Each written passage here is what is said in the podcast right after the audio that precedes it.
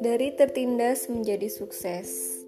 Michelle G. Fox menyatakan, harga diri seorang lebih diserang, dirusak, dilecehkan dengan kejam tetapi tidak pernah dapat direnggut kecuali orang itu sudah menyerah.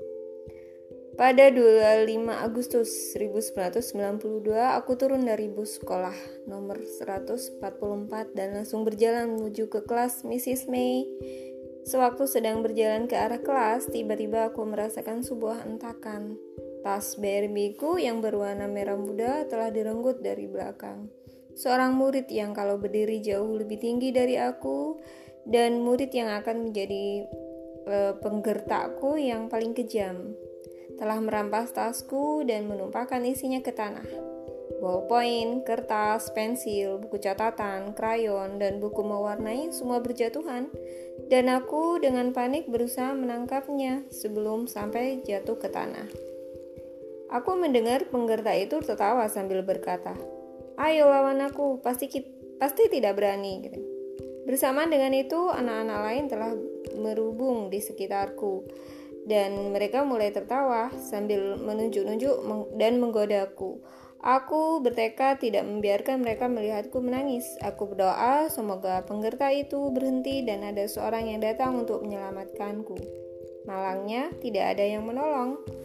Dengan takut dan berat, berat hati, aku pelan-pelan berjongkok untuk memunguti barang-barangku dan masukkan kembali ke tasku. Ini hari pertamaku di Taman Kanak-Kanak, hari pertama dari 13 tahun menjadi korban penggertakan. Dari taman kanak-kanak sampai kelas e, 12, aku mengalami penggertakan yang tidak kenal ampun karena ukuran tubuhku, karena perawakanku, karena warna kulitku, karena prestasiku, dan karena kegemaran belajarku. Aku diolok-olok dengan sebutan gag, nerd, sell out, Oreo, Geico Direct, teacher's pet, goody two shoes, dan banyak lagi. Julukan yang paling membuatku sakit hati adalah Oreo, karena kata anak-anak itu bagian luar aku hitam, tetapi di sebelah dalam aku putih karena tutur bahasaku baik. Meraih nilai-nilai bagus dan sebagainya. Aku juga digertak secara fisik. Murid-murid lain mendorongku ke ke dalam loker, menumpahkan makanan ke bajuku, mencoba mematahkan lenganku, menjegalku, dan mengatakan bahwa aku tidak akan mendapatkan apa pun di masa depan. Para penggerta itu juga mengambil uang jajanku, tidak mau mengoperkan bola kepadaku dalam pelajaran olahraga, dan melemparkan bola dengan keras ke arahku ketika sang guru tidak melihat. Aku benci jam makan siang karena aku tidak pernah merasa pas Murid-murid kulit putih menerimaku, tetapi murid-murid kulit hitam memperolokku. Murid-murid kulit hitam memperolokku karena aku tidak memakai baju-baju dengan merek terkenal dan karena aku kulit hitam dan satu-satunya yang diterima di kelas terhormat. Di kelas kehormatan, aku selalu sedih memikirkan mengapa murid-murid kulit hitam menggertakku. Kami sama-sama tahu betapa kejam siksaan yang telah diterima oleh para nenek moyang kami tetapi alih-alih mendukung atau menyemangatiku, sesama kulit hitam malahan berusaha menjatuhkanku. Ini sangat menyakitkan, baik secara emosi maupun secara fisik. Seusai sebuah upacara pemberian penghargaan di kelas 5, murid-murid sengaja menghampiri piala dan hadiah-hadiah di atas bangkuku dan menjatuhkan semuanya ke lantai. Kau Kau memenangkan penghargaan ini hanya karena kau murid kesayangan guru, komentar mereka. Sekali lagi, aku mengulang yang telah kulakukan pada hari pertama taman kanak-kanakku. Berusaha tidak menangis meskipun kata-kata mereka terasa sangat menyakitkan. Pada saat itulah aku memutuskan untuk membuktikan bahwa mereka salah. Aku selalu sadar tentang ukuran mataku karena para Penggertakku menjadikannya bahan olok-olok dan mengatakan aku seperti seekor kodok. Kata mereka, aku mungkin dapat melihat seluruh dunia karena ukuran mataku yang begitu besar. Salah seorang di antara mereka mengejekku dengan sebutan Geico Direct. Agar mataku kelihatan lebih kecil, Aku agak memicingkan mata se sewaktu berbicara dengan seorang atau menghindari kontak mata sama mereka. Aku mulai meragukan Tuhan dan bertanya kepadanya, "Mengapa kau membuatku mataku begitu besar? Apakah supaya orang-orang dapat memperolokku? Mengapa kau tidak membuatku normal?" Aku menjadi begitu tertekan sampai aku menaruh foto kakak perempuanku di bawah bantal dan berdoa kepada Tuhan agar Sewaktu bangun, aku akan memiliki mata berukuran normal seperti miliknya. Tiap pagi ketika aku bangun, ternyata mataku masih besar dan aku harus berhadapan dengan suatu hari penyiksaan sekali lagi.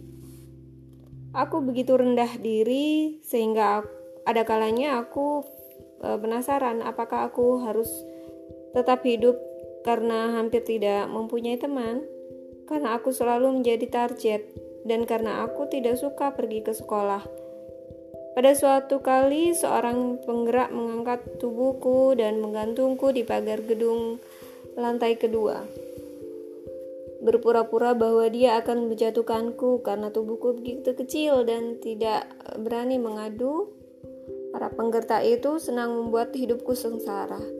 Aku berterima kasih kepada orang tua dan kakakku yang menyuruhku tetap percaya diri mereka memberikan sebuah contoh kepadaku, menceritakan pengalaman-pengalaman mereka sendiri tentang bagaimana mereka mengatasi tantangan-tantangan melalui kegigihan dan ketekunan.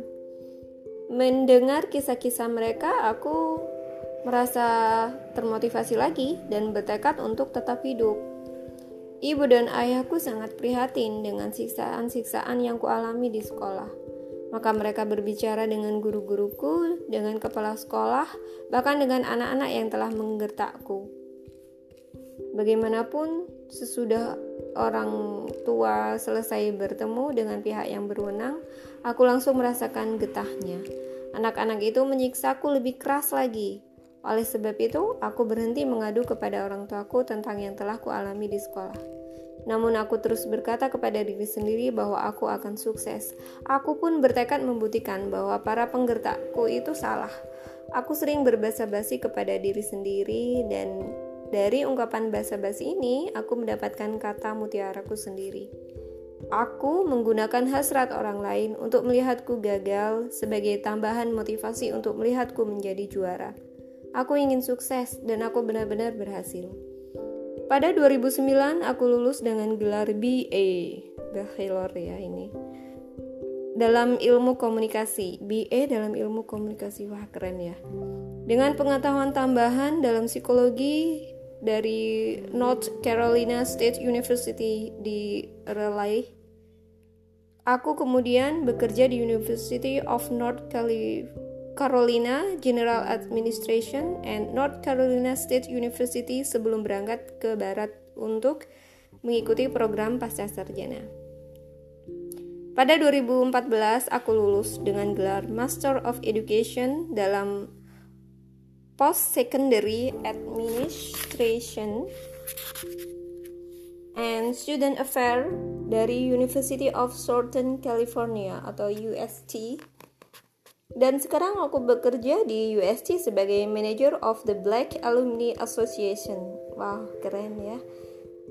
Selain itu, aku menjadi pewawancara di Rich Girl Rich Girl Network dan aku mewawancari pesohor-pesohor pada pegelaran perdana, petunjukan pemberian penghargaan dan acara-acara amal. Betapa ironis karena mereka yang dahulu menggertakku sekarang berkata, Aku selalu tahu bahwa kau akan sukses. Hah, aku tertawa dan lanjut dengan suksesku. Saranku kepada semua orang adalah jangan pernah menyerah dan jangan membiarkan siapa pun memberitahumu yang tidak mampu kau lakukan. Seandainya aku mendengarkan para penggertaku itu, aku tidak akan seperti sekarang ini karena aku mengabaikan komentar-komentar kejam mereka. Bekerja keras, gigih, dan tetap percaya. Aku mempunyai mimpi, aku membuat mimpi-mimpiku menjadi kenyataan. Tensi J.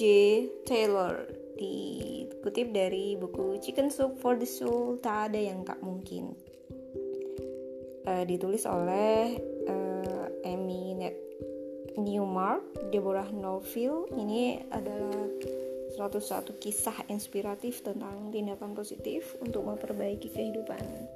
Buku-buku Chicken Soup saya suka sekali ini sejak kuliah. Saya kadang pinjam di penyewaan buku ya. Di Malang dulu ada uh, penyewaan buku, buku buku apa aja. Itu ada sewa buku. Kadang saya uh, pinjam bukunya itu uangnya dari mana? Ya dari kadang ya dari terjemah. Di samping kosan itu ada warnet kemudian ada dia menerima terjemah bahasa Inggris gitu saya ambil kemudian saya eh, kalau dapat uang gitu kan kalau terjemahan itu kan e, dibayarnya per lembar ya. Jadi per lembar itu kadang 3000 gitu 3500 gitu. Saya nerjemah ke dari Indonesia ke Inggris kemudian dari uang-uang itu ya saya buat untuk uh, makan sehari-hari gitu.